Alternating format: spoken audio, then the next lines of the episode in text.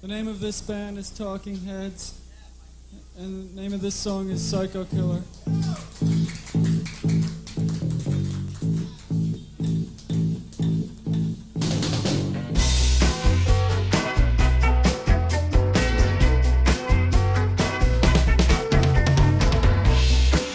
Oj, nu kom jag på en sak. Ja, nu måste jag göra... Ja, hel... vänta. Varför det? Ska du göra Cyndi Lauper-grejen? Ja, det vet jag inte. Vad Du gjorde en Cyndi Lauper, gjorde du. Vad Men har du inte sett den en inspelningsvideon när hon eh, de spelar in We Are The World och så har hon 10 000 jävla halsband på sig.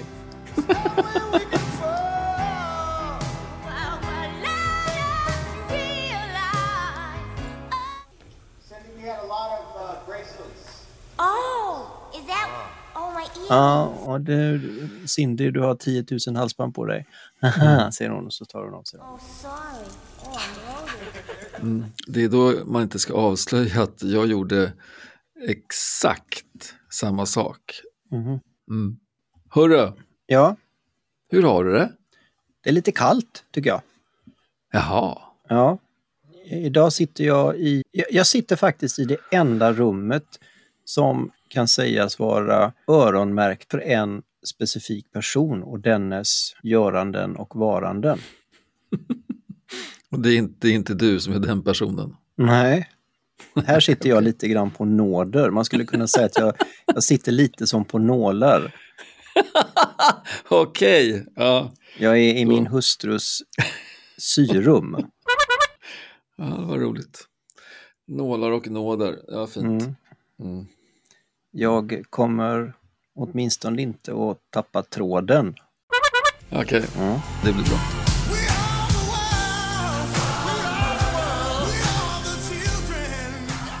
Vem ska börja idag tycker du? Du får alltid, du gör alltid mycket bättre än vad jag gör. Okej då. Då kör jag nu då. Varsågod. Tack.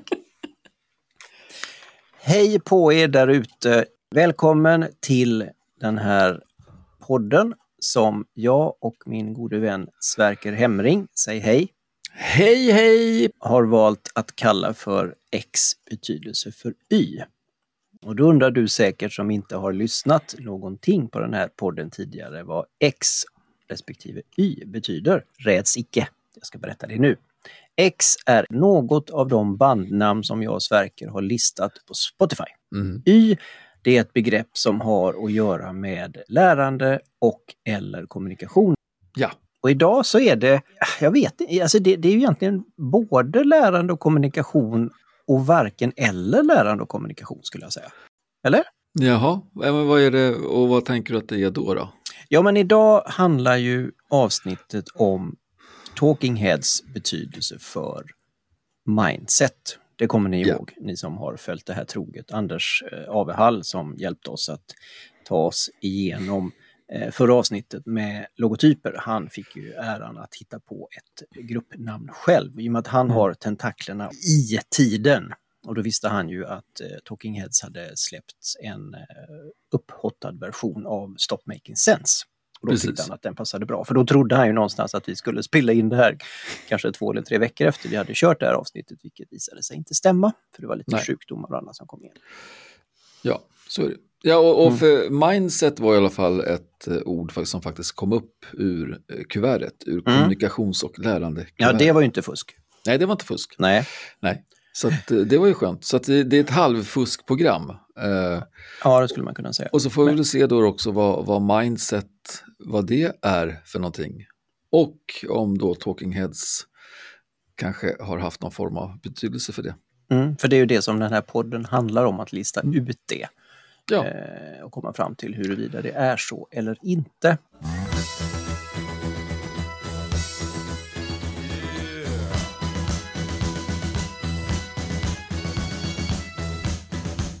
Talking Heads och mindset. Mm. Vad, hur skulle vi först och främst mindset och hur skulle vi definiera det, tycker du?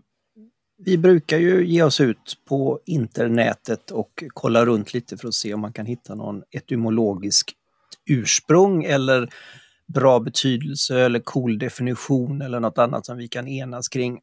just i det här fallet så tyckte jag att det var ganska svårt. Mm. Eh, dels för att mindset är ju någonstans ett, eh, alltså det är ju inte ens ett svenskt ord, utan det är ju Nej. typ amerikanskt känns det som. Det, det, jag tycker att det känns mer som det är amerikanskt än att det är, än att det är engelskt, men det är väl bara för att eh, engelsmännen de använder andra ord på något sätt Ja, precis. för, för just det här. Men det sägs ju vara en mental attityd som avgör hur man då kommer att bete sig i olika situationer. Mm. Och, och så finns det då synonymer som jag vet inte om jag tycker att de är så där jävla bra egentligen, men det är liksom mentalitet, ja jo, det kanske man kan ha. Sinnesstämning, ja, nej, det vet jag inte riktigt. Inställning? Ja, inställning skulle man kunna vara. Synsätt, absolut inte. Det Nej, tycker jag inte. Synsätt har. Nej. ingenting med mindset Nej. att göra, tycker jag. Nej, verkligen inte. Och sen då så kan det vara ett komplext mentalt tillstånd som involverar övertygelser, känslor, värderingar och benägenhet att agera på vissa sätt. Oj. Men jag, jag tycker att det är lite omvägar, för jag kan tycka att mindset, det är ju liksom to set one's mind, alltså att, Mm. att, att, att, eh, tweaka, för att ta ett annat eh, svenskt uttryck då, att, att tweaka huvudet eller, eller sinnet till att göra en speciell sak. Mm. Det, det kan jag säga ett mindset, att man har ett, nu har vi mindsetet att utföra det här, Mm. kanske. Men sen kan det vara lite intressant, det är en sak vad man har själv för mindset, men Ja, er mindset kan ju också vara om jag uttrycker mig på ett visst sätt för att jag vill få dig i ett visst mindset. Det Ja. kanske inte har att göra med det mindsetet som jag är i, nej. utan bara att jag vill få dig till ett visst form av mindset för att du ska få någon inställning eller någon attityd till någonting eller något Mm. förhållningssätt till någonting. Att ändra ditt mindset då också. Ja, och den är ju lite kul för att du brygger över på en, en, en teori som jag hittade som, som jag tror att hon heter Carol Susan Dweck, eh, amerikansk psykolog. Och hon, har, hon har då forskat mycket kring motivation och mindset. Mm. Och hon, hon har då säger att det finns något som hon kallar för fixed mindset Okej. respektive growth mindset. Och då, då är det då att de som har ett fixed mindset, då, då säger man då att ja, men, eh, din intelligens eller dina psykologiska förmågor, de är då stillastående, de kan inte förändras. Mm. Till skillnad då från ett growth mindset. Och då har man då övertygelsen om att eh, intelligensen och de psykologiska förmågorna kan utvecklas och förbättras genom lärandeprocess då. Alltså de är inte stillastående och oförändrade. Och det kan jag ju tycka någonstans, ja men det stämmer väl. Ja, det verkar Men, men eh, då, då är då frågan, vad har mindset att göra i det perspektivet? Det, det kan jag tycka är sådär lite... Mm. Så att mindset är svårt. Det, det är Ja. ett svårt ord. eh, Sådär. Och det, det, jag tycker att vi, vi, eh, vi, vi gör väl som vi brukar, att vi, vi eh, lallar in lite på gruppen som vi faktiskt ska prata om, så ser vi Ja. vad, vad de har. ja, i vad vi mindset. hittar där för någonting. Exakt.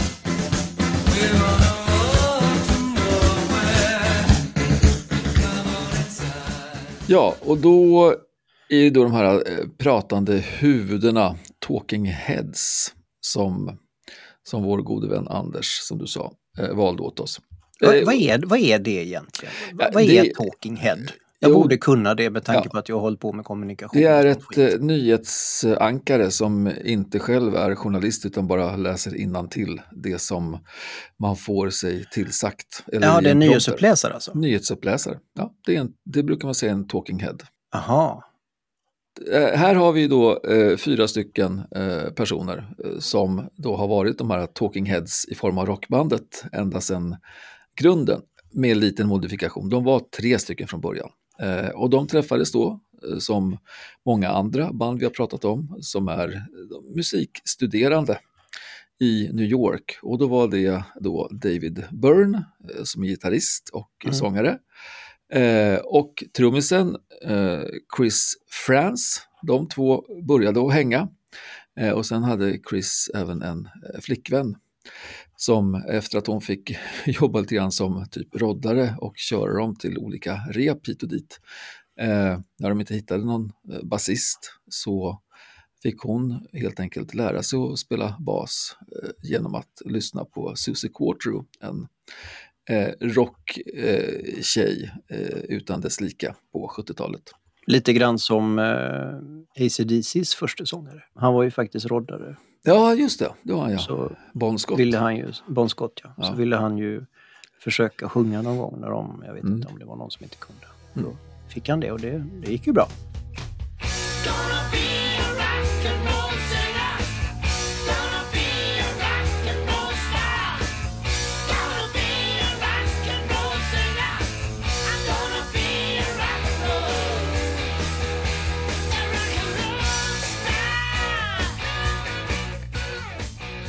Gick väldigt bra, Jätte, Mm. jättebra. Ja. Nej, men så då var de eh, tre stycken eh, och då hette de faktiskt från början The Artistics. Eh, gjorde de. det var lite... Det har lite ingenting att göra med att de gick på en skola där man var lite artistisk. nej, precis, inte någonting. Nej, Så det var inte ett dugg förmätet att kalla sig för det. inte Eh, något. nej. nej, men så att de höll på eh, som trio ett tag. Eh, men sen fick de då ett eh, tips om att det fanns, fanns en keyboardkille i ett annat band som hette Modern Lover. Eller Modern Lovers heter de väl egentligen. Eh, och det var då Jerry Harrison. Eh, och han blev efter lite lagom mycket övertalning och eh, demouppspelningar och sådär, så blev han då deras fjärde medlem. Och sen är det då de här fyra som har liksom kamperat ihop. Och det här var då i Mm. mitten på, på 70-talet. De eh, drog igång 75.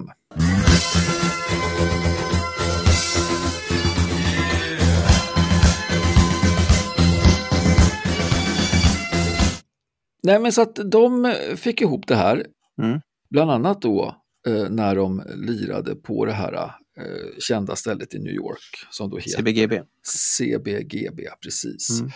Och där var de då också faktiskt, i alla fall så var det står på Wikipedia, förband till Ramones. What do you guys have for? We got four songs. I don't want to walk around with you. I, I don't want to be learned. I don't want to be tamed, and I don't want to go down to the basement. Anything you want to do? We're working on something now.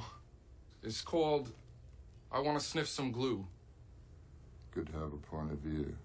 One, two, three, four. Now.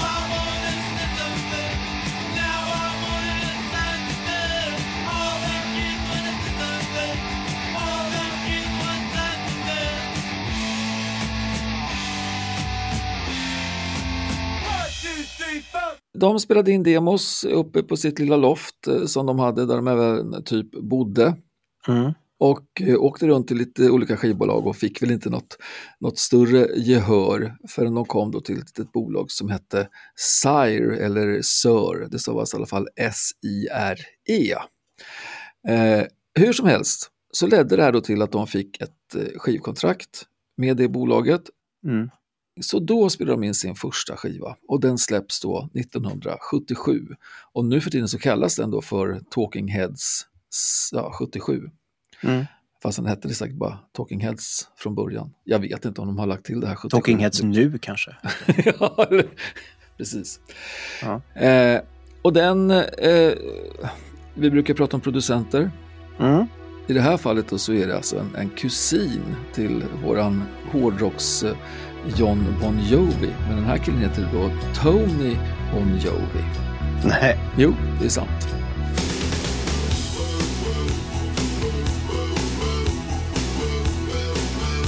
Eh, han var ganska stor producent på den tiden. Han hade producerat en massa olika band och han byggde sedermera upp en, en, ett, eh, en skivstudio som hette eh, Power Station som var Ja. väldigt känd.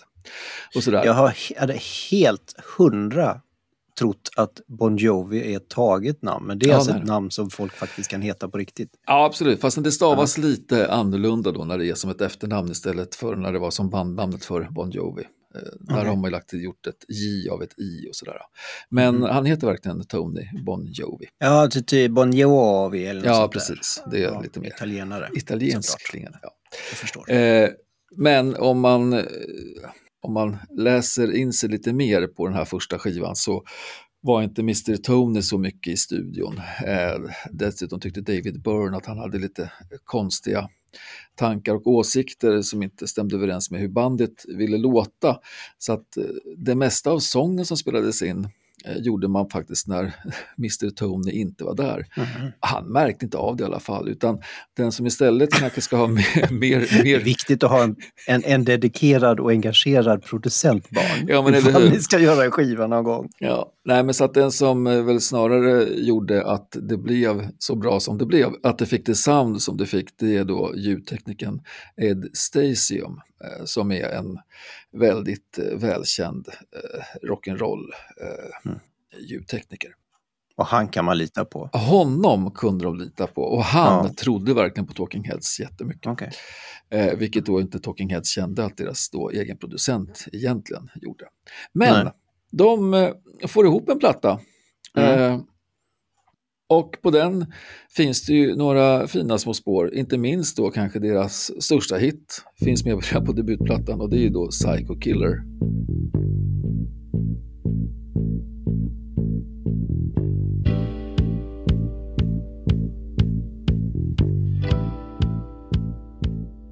Alltså det är ju ingen dålig debutskiva, om man säger så. Nej, nej, det är Nej. en jävligt bra debutskiva. Ja, jävligt bra debutskiva. I alla fall med, med den låten. Sen Ja. är ju den då, den är lite speciell. Den är, kan man säga att den är lite eh, trevande. Den är lite trevande. Den är, man, man känner eh, man känner av glädjen hos de här musikstuderande som får komma in i en skivstudio som har ett helt gäng med låtar.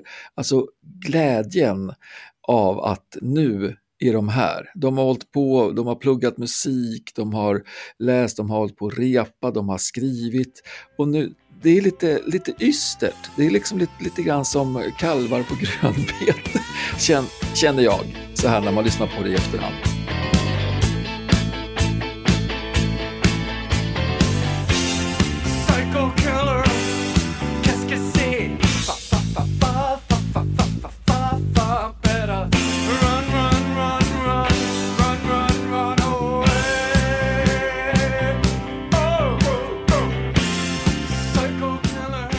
Men det vore väl fan om det inte var det. Ja, man släpper hur? sin första skiva ska man väl inte vara tillbakalutad och introvert, tänker jag. Nej, Det är ju jättekul. Det, det kommer de ju till lite senare, typ. Ja.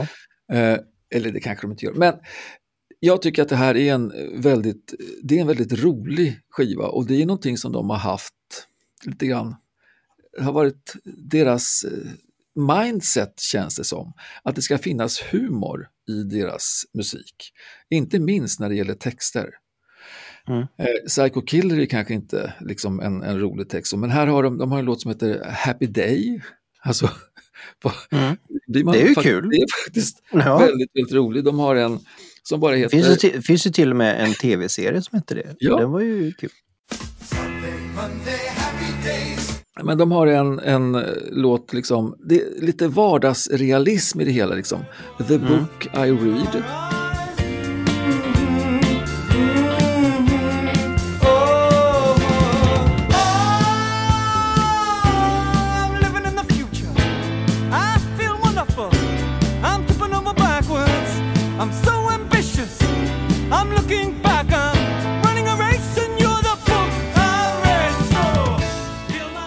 Bara en sån sak. Ja, det är väldigt mycket sådär, vi behöver inte söka så långt för att hitta idéer till texter och skriva. Nej, man Nej. tar, man tar det som händer Ta framför det som du har framför dig. Och jag tycker det är så, eh, nu är jag ute efter ett speciellt ord, det är så förlösande. Att det är liksom Mm. lite enkelt på något vis. Men Mm. samtidigt ska man säga det att deras musik är inte, den är inte enkel. De är, man hör tydligt att de är verkligen, de är ju musikstuderandes, alltså de är musikutbildade. Så Mm. att, eh, Hur de- skulle du säga att det märks? att det är inte bara tre, tre ackord eh, och sen är det skrik och gap. Utan alltså det är, Det är inte som bandet de var förband till.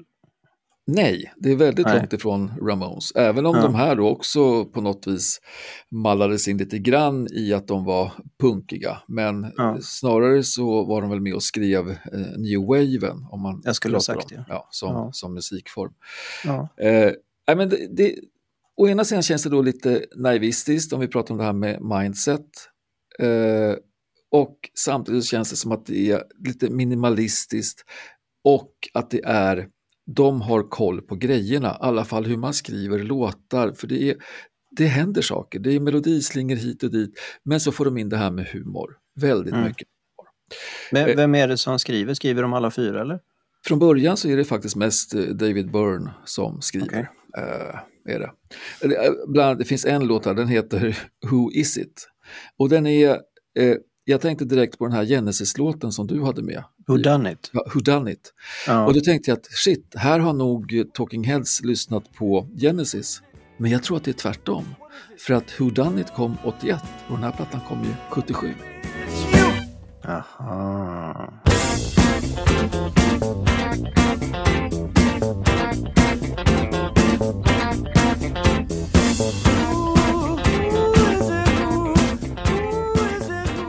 Det skulle ju kunna vara så att eh, Fille Lille satt och, och spånade ihop något efter att ha lyssnat på det här. Det skulle kunna vara Det så. skulle kunna vara så faktiskt. Ja, skulle, kunna vara så. Ja. skulle du säga att de, om man då tar mindset nu här, skulle du säga att de har har de, någon, har de hittat någon riktning ännu?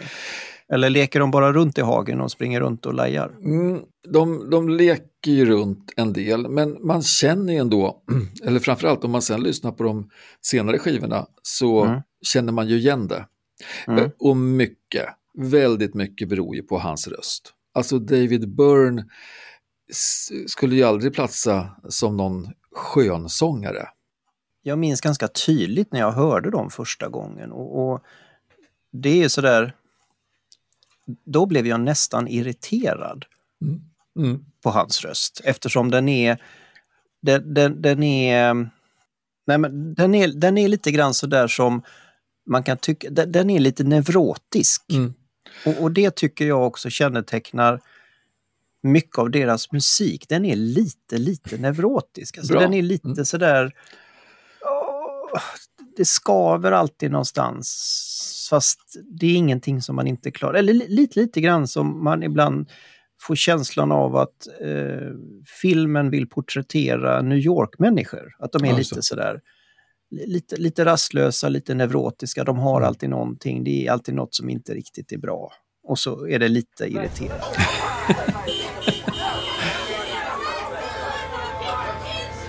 Jo, men jag tycker det var faktiskt ett väldigt bra ord, eh, neurotiskt. För man, man, vill, man skulle vilja rätta till hans röst lite grann, för man Ja. tycker att den är liksom... Ja, men den, man vill skruva lite grann på honom så att han, Exakt. Ja, så att han får loss det här neurotiska och det här lite fan dissonanta. David. Ja. Sjung, sjung som Michael Eller hur? Bolton. Bolton. Eller gör inte det. Nej. Eller, men ja, Ja. det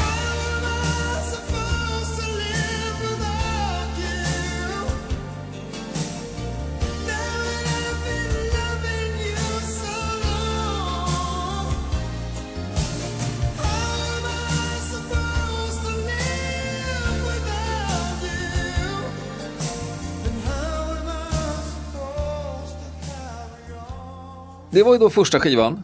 Eh, Mm. Vi har ju snackat om det här tidigare med eh, band, alltså 70-talsband. Hur de, hur de är snabba på att göra nya skivor. Och det är de här Mm. också. Den här Mm. kom 77, nästa platta Mm. kommer 78. Eh, och då har de ju haft eh, den lite fina turen att eh, Brian Eno, som har jobbat med Roxy Music och eh, David Bowie och Ja, de ja. en massa storheter, de ja. Mm. Eh, han har varit och lyssnat på dem och tycker att det här är förbaskat bra, det här vill jag gärna eh, vara med på. Så att de börjar samarbeta. Eh, så att i nästa skiva då, då, More Songs about Buildings and Food, är en fantastisk skivtitel. Gräv där du står, Ja, igen.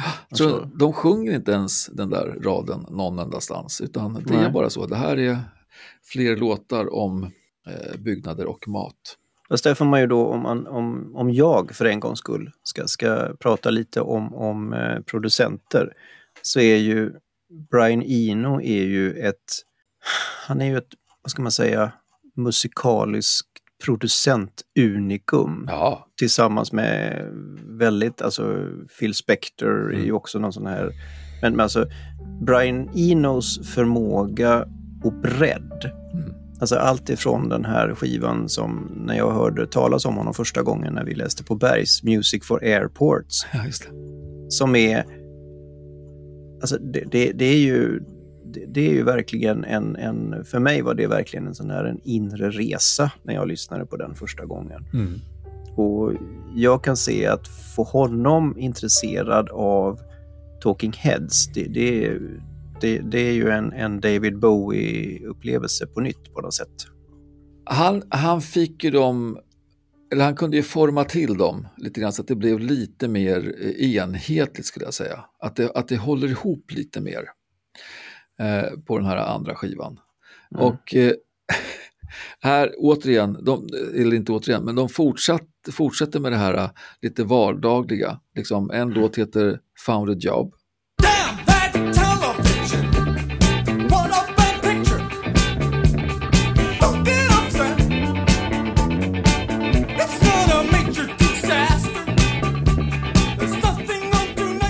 Det, det, det, är alltså, det är kul bara det. Så peaked mindset nu då. Ja, det säga. är pikt Ja. som fan. Eh, Det är det. Och eh, här fick de ju en riktigt eh, stor hit faktiskt med en cover. En gammal Al Green-låt som heter Take Me To The River. Like to dedicate this song to little Junior Parker. A cousin of mine that's going on, but we'd like to kind of carry on in his name. By saying, I don't know why I love it like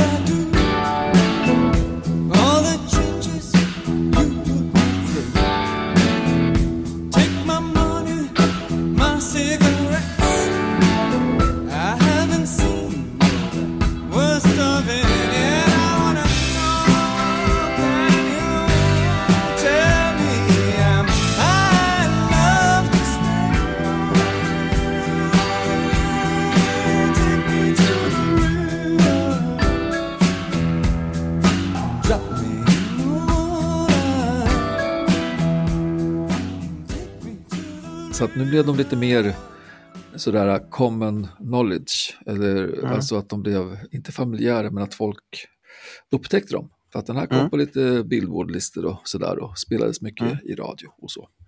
Så nu är de i ropet då. Nu är de i ropet och Mm. eh, de gillade ju det här som de gjorde med Brian Eno, eller de gillade honom och han gillade dem. Mm.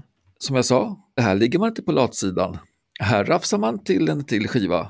Året senare, 1979, 89. så kommer man med plattan och som fantastisk skivtitel, Fear of Music. Ja, det är en lysande skit. Det är verkligen lysande. Ja. Och den här skivan har ju av många, inte minst av tre tidningar det året, liksom utsåg den här till årets bästa skiva. Mhm. Många menar på att det här är deras bästa platta. Och jag är ledsen, men jag fattar inte det. Jag vill ha, jag vill att saker och ting ska vara lite mer kommersiellt gångbara än, eller säg så här då, jag vill gärna ha saker som är aningens mer lättlyssnade. För jag tycker det här är, det är svulstigt men lite deppigt alltså. Nu är man nere i något litet, inte ett kaninhål, men nu är det inte så jävla glatt längre. Nu är det, Har man blivit pretentiös nu skulle du säga? Eller? ja, men i alla fall väldigt mycket mer pretentiös här än på de två tidigare skivorna. Så att, eh, jag vet inte om de, med den här, att de ville visa något form av lite mer muskler kanske. Att de kunde lite mer, att de kunde tänka lite större. Jag vet inte. De är ju ändå musikstuderande. Alltså de har ju någon Ja. form av musikteori i sig. Mm. Det kanske är så att de kände att Ja, alltså visst, det är väl klart att vi kan vara grönbeteskalviga, men vi, vi har minsann en, en, en seriös och uh, storvulen sida Mm. också. Och samtidigt tycker jag att den är spretig. Liksom. Den, är, Aha. den, den håller inte ihop. Och, ändå så finns det då, alltså NME som var New Musical Express hette det väl va? Den skivan, Mm. Melody Maker, det var ju de två stora och även LA Times då, då utsåg alltså den här skivan till årets bästa skiva. Ja, jag fattar inte riktigt, men eh, Sen kan man väl se 79, mm, punken grasserar som bäst. mm. Det är väl inte så att pudelrocken har slagit igenom riktigt Nej, den har inte ordentligt, va? kommit alls. än. Nej, och, Nej. och, de här eh, Led Zeppelinarna och, och Pink Floydarna och Deep Purplearna är ju, det är ju lite skottpengar på dem just nu. Jo. Jo, det har du Så- rätt i.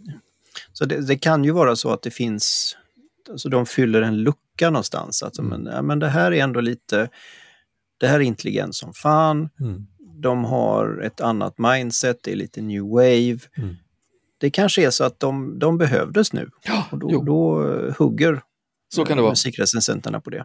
Sen har ju då Brian Eno lyckats få David Byrne att eh, låta ganska mycket som sin, sin namne då David Bowie på ett par låtar. Alltså in, Mm. inte bara hur han sjunger utan faktiskt hela, hela produktionerna i Mhm. Liksom harmonierna i ackordsammansättningar och bytes så låter det ganska Mm. mycket Bowie om framförallt två låtar tycker jag. Då då Mm. Mind och Air.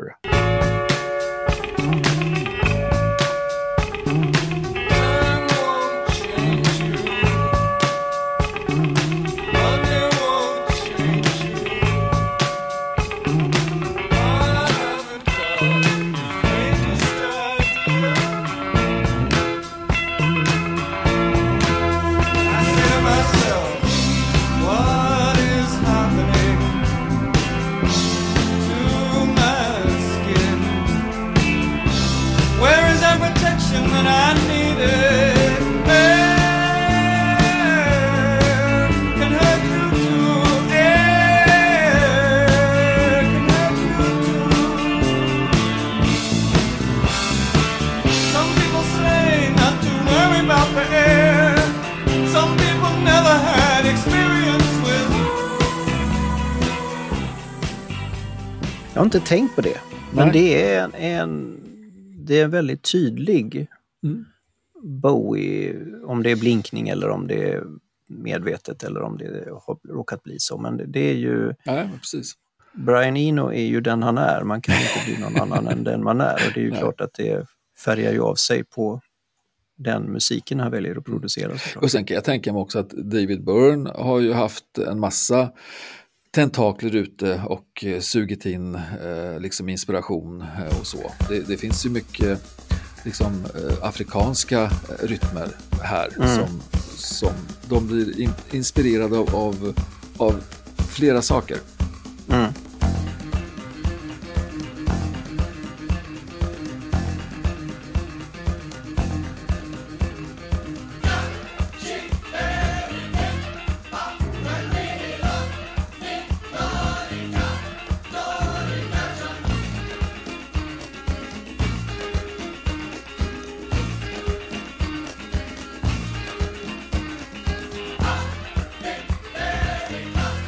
Gör det lite mer eh, brett eller hur man ska säga. Lite dynamiskt på något vis och lite kanske roligare att lyssna på. Men äh, jag, jag, tycker här är en, jag tycker att det är en svår skiva faktiskt. Mm. Fear of Talking Heads blir det för mig på den här skivan. Mm. Mm. Eh, men sen, det här var då andra skivan med Brian Eno. Nu kommer vi då in på eh, deras fjärde och den tredje med herr Brian. Mm. Alltså, den här skivan, det är ju...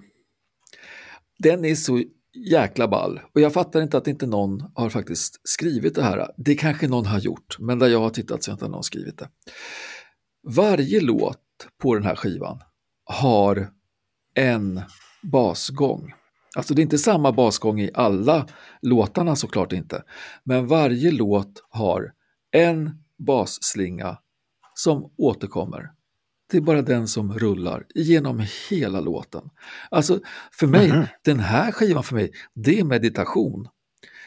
Sen, det är inte som så att melodierna eh, inte ändras, för det gör de. Mm. Men basslingan, baskompet, är samma. Det är samma i den här Cross-Eyed and Painless. Det är samma basslinga som återgår, återkommer genom hela låten. Mm.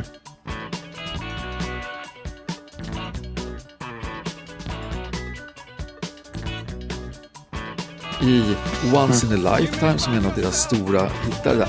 Du, du, du, Mm. du.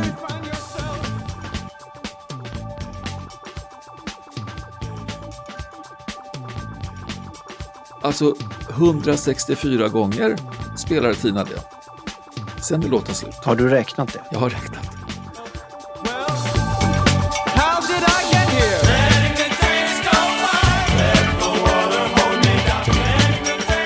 Men det är så, det är så häftigt. Alltså det här är, det är en meditationsskiva. För de är, du kan bara kapsla in dig i varje låt. Det bara, det, den bara tuggar på. Och hur hon pallar att stå och spela de här låtarna live, när det bara är samma bas. Hon gör säkert lite annat när de spelar live. Ja, det hoppas man. Ja, det får man hoppas. Men Mm. nej, jag tycker det är fascinerande. Den heter ju då Remain in Light. Och den, nu kommer jag inte riktigt ihåg när den kom. Jag tror faktiskt att det är 81. Det är ju väldigt kul att eh, för en gångs skull så kan vi eh, sätta sökarljuset på basgitarren Ja. lite. För det har vi ju verkligen eh, behandlat styvmoderligt i Mm. den här podden. Det är ju inte, ja vi har väl snackat om John Paul Jones ibland och, och Jo, sådär. precis. Gene Simmons har vi sagt. Mark Hamill har jag väl nämnt, och Gene Simmons också såklart. Men det är ju inte för att han är en sån virtuos basist, utan det är ju för att han råkar spruta blod och explodera och hålla på. Men det är verkligen så. Tina ska ha en faslig massa cred för hur eh, Talking Heads låter.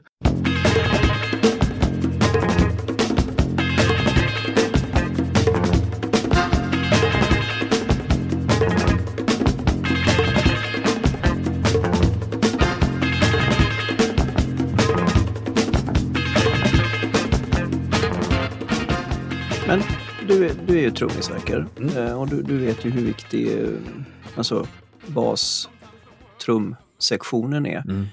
Hur, hur skulle du säga, hur, hur funkar hon med, med trummisen i bandet? Hur, hur, hur gör de? Jo, de är så in i bängens bra ihop. Men det Ja. kanske också handlar om att de är ju ett par ihop även i, i livet utanför Fast det bandet. behöver ju inte Nej, det nödvändigtvis det- göra att det blir bra. Nej. Men eh, du menar de känner varandra Ja, utan och innan? Liksom. Men jag, jo, jag tror att de, de har vuxit ihop både liksom rent familjärt men även musikaliskt.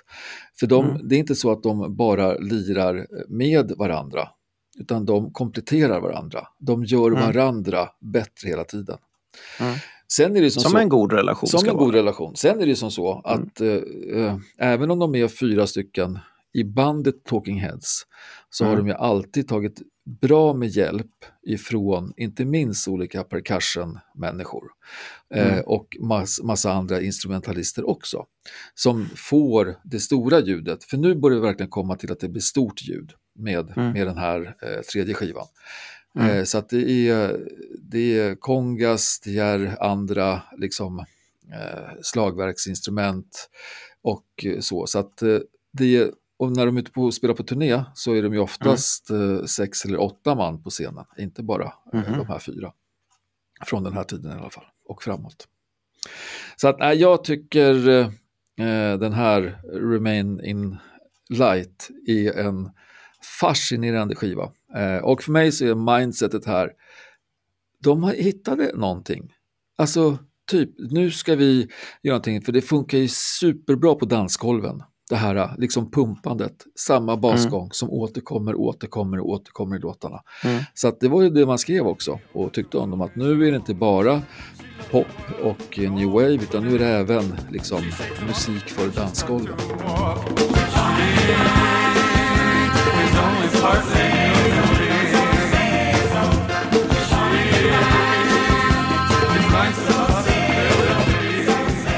Jag har faktiskt aldrig tänkt mig Talking Head som ett band som man nödvändigtvis ska dansa till. Nej. Det skulle väl vara Burning Down the House då kanske, men det är ju också för att Tom Jones har gjort en jävligt bra låt med, med, med hon från Cardigans.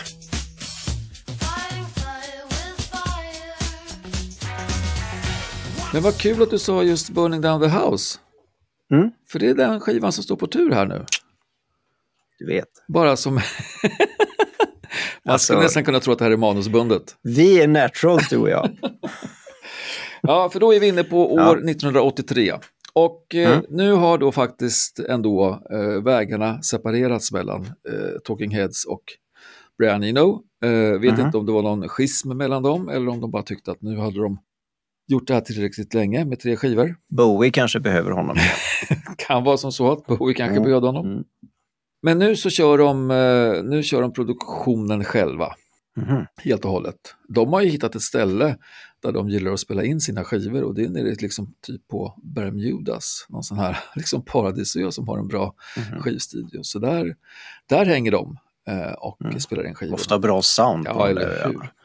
Ja. Eh, för Soundstränder, så att säga. Mm. Kaching. Eh, nej, men då kommer de ut med skivan Speaking in Tongues. Mm. Eh, och första låten där är då mycket riktigt Burning Down the House.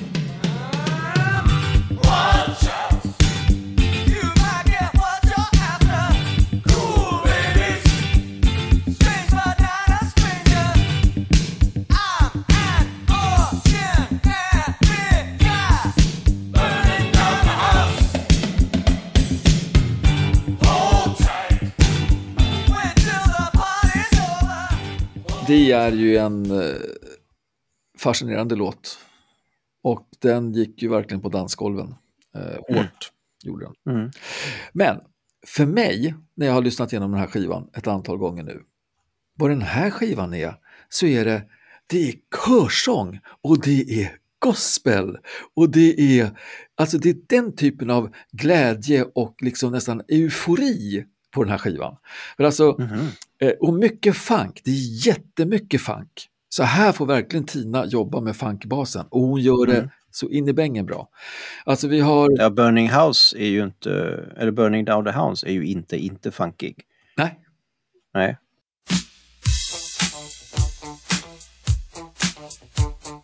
men så har vi, vi har Slippery People,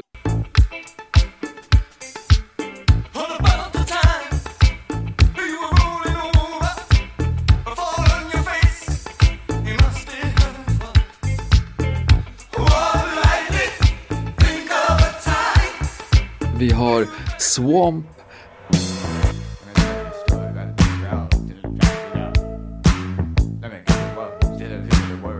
vi har eh, This must be the place, alltså, och här, på just den låten, tycker jag, så låter faktiskt Mr. Byrne ganska mycket som en annan då Brian Eno-kompis, nämligen Peter Gabriel. Det vill jag höra. Varsågod.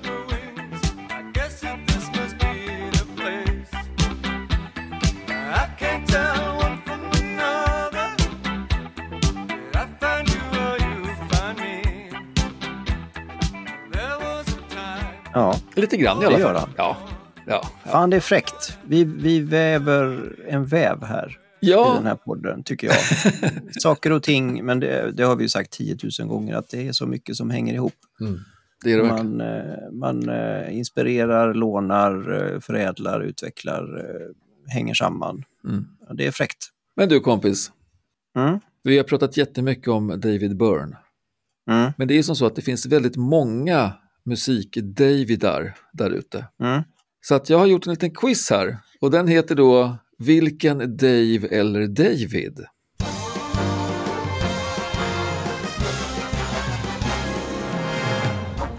Pallar du? Ja, för fan. 100 procent. Så att du kommer som vanligt få tre svarsalternativ. Ja, och jag är väldigt glad att du inför det här lilla, lilla inspelet här nu, för det är som du säger, vi behöver, vi behöver bli lite gladare. Det här har varit en väldigt tråkig podd fram tills nu, men nu, nu, kommer det kör bli vi. skoj. Ja. Ja. Så då har vi fråga nummer ett på Vilken Dave eller David? Eh, Rockpile, det var ju ett band som hade Nick Lowe på bas. Men vilken Dave var den omskrivna gitarristen och som dessutom var grundaren av bandet? Var det Dave Edmunds, eller Dave Jones, eller Dave Smith? Så Rockpile har jag ju nästan aldrig hört. Eh, Men jag tänkte att din brorsa, han lirar liksom Ja, massa- precis. Jag skulle säga det. Jag råkar ju veta att min bror har varit lite inblandad i åtminstone göra, om man spelar med Rockpile eller om man gör covers på dem, är jag lite osäker på. Men i och med att det är det eh, som vi pratar om så skulle det mycket väl kunna vara Dave Edmunds för att han har spelat med honom tidigare. Jag tror inte att det är David Jones för att det är ju eh, eh, David Bowie kristnades väl till David Jones va? Ja, precis. Så den tror jag inte det är. Eh, nej men jag tror att det är Dave Edmunds. Det är helt rätt.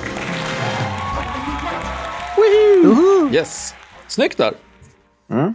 Fråga nummer två. Det är bara fem frågor. Så att mer än, roligare än så ska vi inte ha.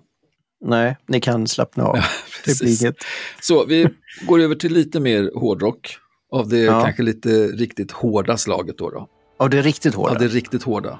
Alltså vi, in, Okej. inget, inget blöjrock här, det kommer lite senare. Nej. Men Nej, vilken hård. Dave var från början med i Metallica, men som sedermera startade Megadeth?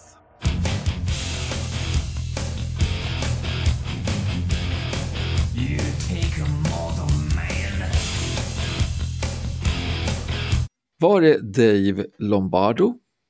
Eller Dave Mustaine? Eller Dave Navarro? Alltså jag har ju ingen aning Sverker. Jag kan ju inte min Megadeth eller min eh, Metallica överhuvudtaget. Ah, jag tror inte att det är Dave Lombardo. Okej. Eh, och jag är så dålig på de här så jag vet inte ens vad, vad hette de, de andra två? Det Vi har Lombardo, Mustaine eller Navarro. Ja, men då säger jag Mustaine för jag tyckte det var det roligaste efternamnet. Dave Mustaine. Det är rätt! Rätt, rätt, rätt! Bra där!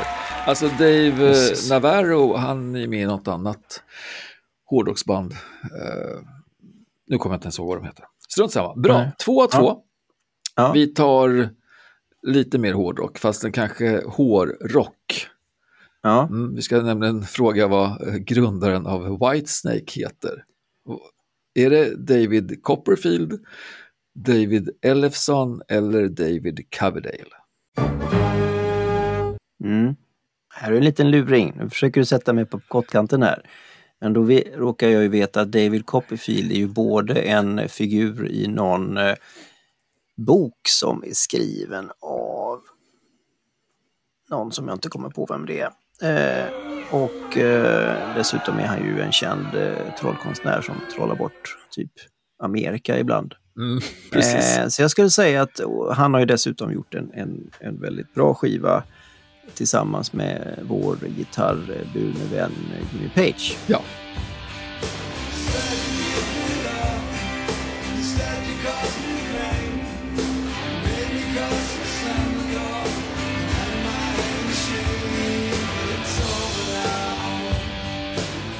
Så att jag skulle säga att det är David Coverdale. Ah, du går ju bara från klarhet till klarhet. Det är jättefint. Det är fantastiskt bra. Vi kör en fjärde också. Ja.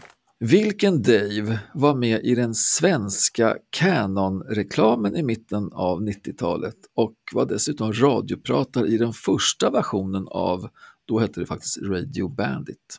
Är det då Dave Davis, eller Dave Nurge, eller Dave Brock? Den här Dave har man ju hört hur mycket som helst.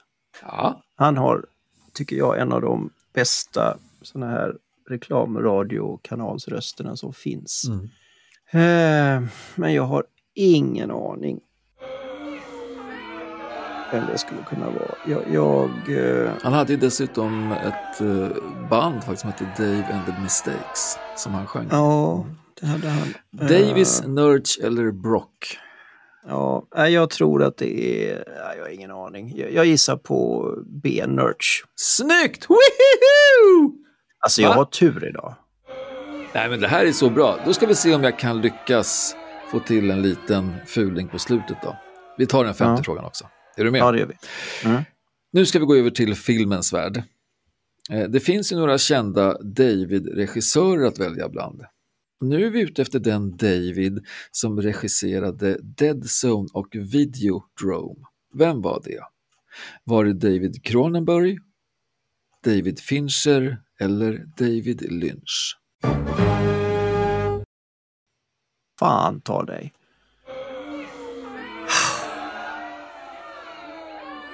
Du, du, du, du, du, du, du, David. Lynch gjorde Nakna lunchen. Eh, så jag tror inte att det är han.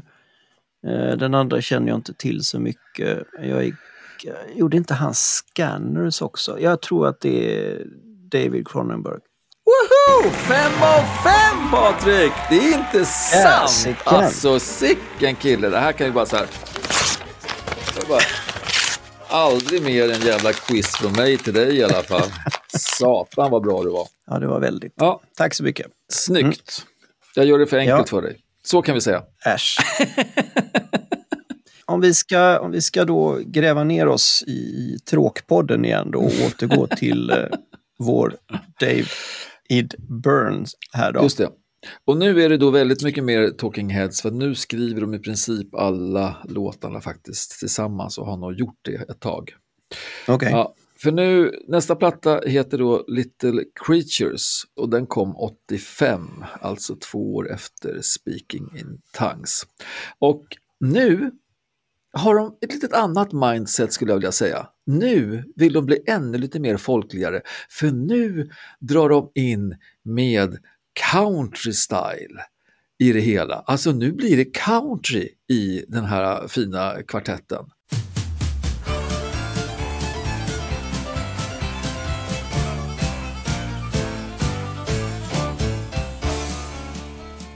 Alltså, de har ju en, en ganska stor hit, ganska, faktiskt två ganska stora hittar eh, härifrån. Det är And She Was och kanske den stora blockbustern Road to Nowhere.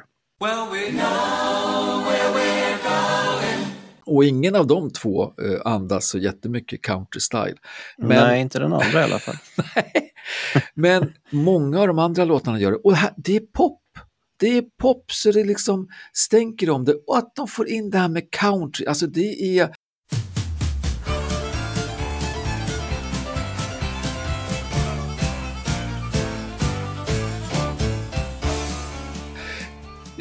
alla möjliga typer av roliga instrumenteringar och den här, liksom, det, det är shuffle country style. Och, alltså, Mm. nej, det här är, det är kul. Och någonstans så får de ihop det. Men jag vet inte, för det, 85 är ju, det är ju ett, för mig var det ett väldigt dynamiskt år, eller 85-86 ska man säga, för då, då eh, jag gjorde ju lumpen då och där träffade jag ju en kille som heter Carl Krusell som han var, eller är fortfarande basist i bandet Jävlar anamma, ett här lokalt Roligt, ja. världsberömt band i Göteborg. Mm.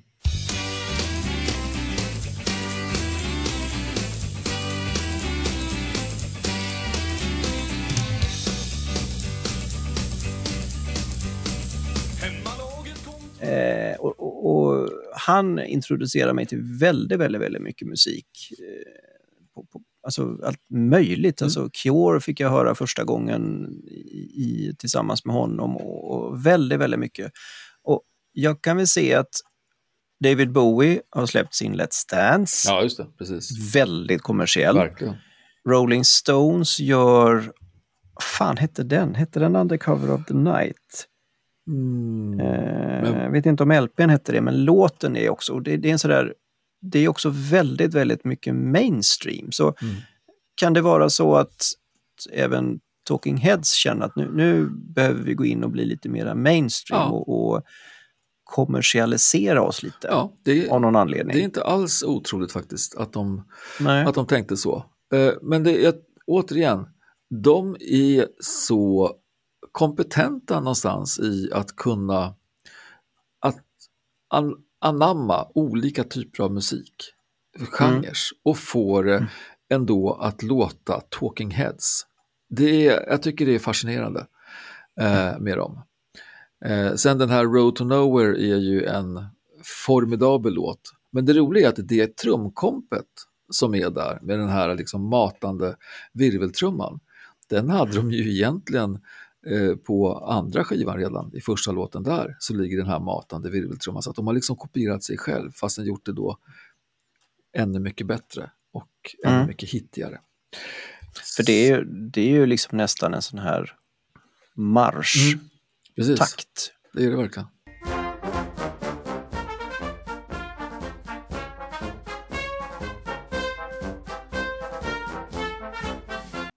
Nästa skiva som de gör är ju faktiskt ett soundtrack till en film som David Byrne och den heter True Stories. Så att den är ju på något vis lite annorlunda. De får i och för sig en jättestor hit här med en låt som heter då Wild Wild Life och här är det bara glädje.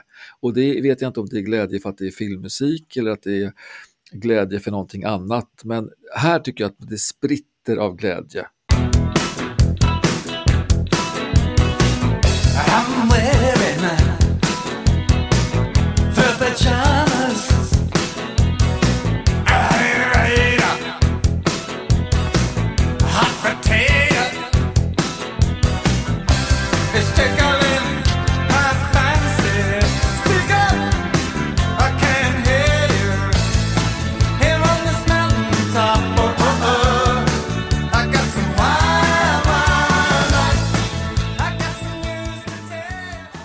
här, om man hade country förra plattan, så här har man klivit in på den svenska dansbandsvågen på något vis. För att det är några låtar som faktiskt låter som svenskt dansband. Eh, och det låter lite grann, det, det andas ju country brukar man ju säga. Så Ja. jätte, jättekul. Sen är det väl, alltså, ett soundtrack är ju alltid en beställning. Ja, Den, den har ju ett annat syfte än bara sitt eget om man säger så. De, alltså en skiva kan ju vara bara för sig själv men en, en soundtrack ska ju faktiskt stötta en film. Jo. Så den är ju, den är ju tvåa i sitt syfte. ja. sen är det då filmskaparen i det här fallet, det är ju även då sångaren i, i det här bandet. Så att det blir lite Ja. dubbelt där. Ja, okej. Ja. Men sen då, då? Det blir ju bara en skiva till med dem faktiskt. Eh, den kommer 1988 och heter Naked. Och nu väljer man faktiskt att plocka in en producent igen. Och det är inte vilken Mhm. producent som helst utan det är Steve Lillywhite som har jobbat med U2, Peter Gabriel där också. Jättemånga stora, svulstiga band. Så här har vi plattan som är bigger than life. Här matar man på med allt. Det är som det är Fred Astaire och orkester känns det som. Det är James Brown eh, svulstigheter i det hela. Hey!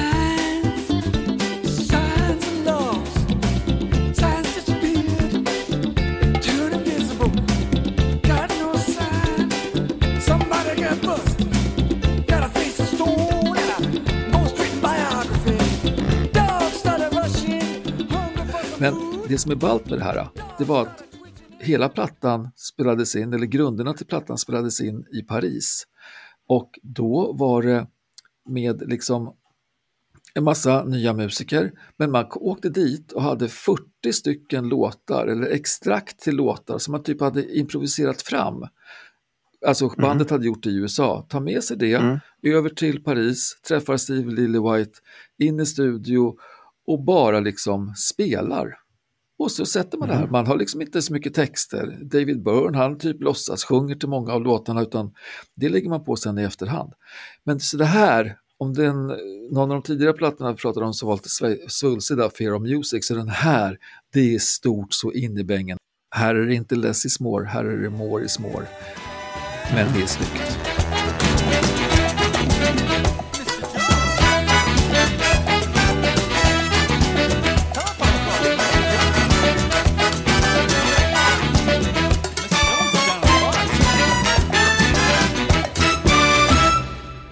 Och ändå väljer man att döpa den till Naked. Det är Ja. intressant. Det visst är det roligt. Men det är ett väldigt kul sätt att göra musik på, att man liksom sätter ihop lite skisser. Och sen så åker man till Paris och så, och så jobbar, man, jobbar man igenom det och sen så åker man tillbaka och, och, och producerar färdigt. Mm. Nej, jättehäftigt. Så här tycker Ja. jag deras mindset, det var bara bigger than life.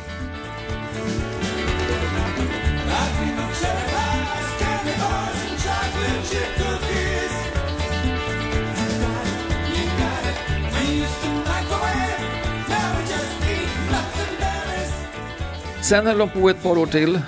Sen en dag så tyckte väl bara David Byrne inte att det var så roligt längre. Jag vet inte ens om... Han gjorde en Peter Gabriel Ja, han, alltså, bara, han, bara, han bara drog mer eller mindre. som en avlöning. Sen fortsatte ju de andra tre då, eh, men hette väl bara till sist eh, Heads, tror jag. Ja, jag tror att de heter Shrunken Heads eller någonting ja, sånt en, en stund. Och sen heter de bara Heads. Det var det om det här bandet. Mm. Vilken, vilken eh, research du har gjort, tycker jag. Tack.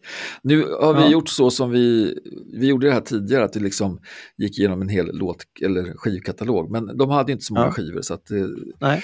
fick gå. Och jag måste då säga från min sida, när vi började prata om det här och började lyssna på dem så tänkte jag, ja men ja, Talking Heads, det är ju, det är ju de här klassikerna, det är ju Psycho Circus.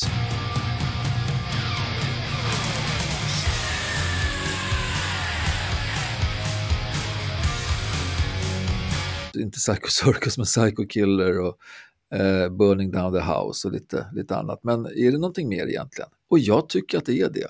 Och deras förhållande till mindset tycker jag är ganska intressant. De har lyckats behålla sitt sound genom liksom både med texter som är lite kluriga och lite, lite speciella, lite vardagliga, lite konstiga och sin, sitt, sin musikalitet. Men att varit inne i olika genrer, man känner igen det direkt på inte minst sången, även på basspelet faktiskt. Alltså keyboardkillen är ju fantastiskt bra också och eh, Chris på trummor. Så bra musiker. Jag, ja, jag tycker att de har gjort mycket för mindset. Det är min bild och mitt sätt att se på det. Jag, fan, de är ett riktigt mindset-band. Mm. Talking Mindset skulle de kunna heta. Skitdåligt namn på ett band. Ja, faktiskt. De skulle kunna heta Jag skulle det. kunna heta det. Ja. Vad säger du då om dem? Eh, jag gick väl egentligen in med den, vad ska man säga, den, den, den eh, synen på bandet och deras mindset som jag nog har haft som lite sådär slölyssnande på dem. Och jag trodde nog att jag skulle ha kvar den tanken om deras mindset som, som, som jag sa från början. Det är lite, lite irriterat, lite neurotiskt, lite sådär New Yorkskt. Nu ser jag nog att de är ett lite pannben, lite komma vidare, lite utveckla sig, lite bli bättre, bli starkare. Så. Mm. Eh, Jag vet inte vad det skulle kunna vara för en typ av mindset, men eh, konsolidering skulle jag kunna säga utan att, utan att bli eh, utan att bli rigida och, och, och stelna. Kan man säga Det så? tycker jag är väldigt, väldigt bra. Jättebra. Mm. Verkligen. Mm. Sen, sen tycker jag det är jävligt häftigt att ha en sån röst. Oavsett vad man tycker om David Burns röst så är det en, en av de mer särpräglade eh, rösterna som, som finns i, i, tycker jag, popmusik. Verkligen. Historien måste jag Mm. nog säga. Mm. Och det, det är också, den är så unik så att man har ju inte så många efterapningar av Nej, den nej. för att det är ju ingen som orkar med att sjunga Nej, så det går inte. Nej, precis. Det går inte. Eh, så att det är också någonting så att, att liksom hålla kvar i hålla kvar i det Mm.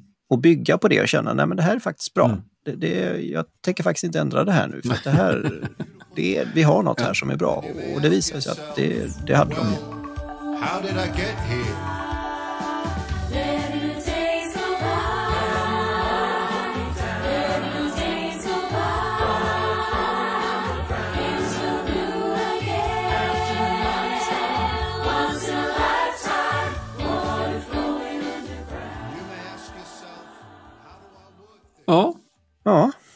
Nu ska vi göra någonting mer då. mm. för nu, har vi ju, det är ju lite sådär, vi har ju aldrig lyckats komma fram till det, men, men vi tror faktiskt att, att vi, vi, vi spelar in ett jubileumsavsnitt idag. för det här är, Ja, det. det här är, det här är faktiskt det 30 Det är 30, ja, avsnittet det. som är sänt. Mm. Eller rättare sagt, det ligger 30 avsnitt ute. Mm. Eh, så att, eh, ja, grattis då för fansverket. Grattis Patrik, tack som Vi fan. har avlat en 30-åring. Oj, oj. Ja, Då går vi in i medelåldern och oj ja. med det sagt så, så kommer vi, vi kommer inte att dra något band Nej. ur något kuvert. Nej, det kommer vi inte göra. Och vi kommer heller inte att dra något fenomen som är kopplat till eh, lärande och eller kommunikation heller, utan vi har faktiskt redan bestämt vad nästa avsnitt ska handla om. Ja, för att det var ju ett av de här stora klassiska banden som gjorde någonting i höstas.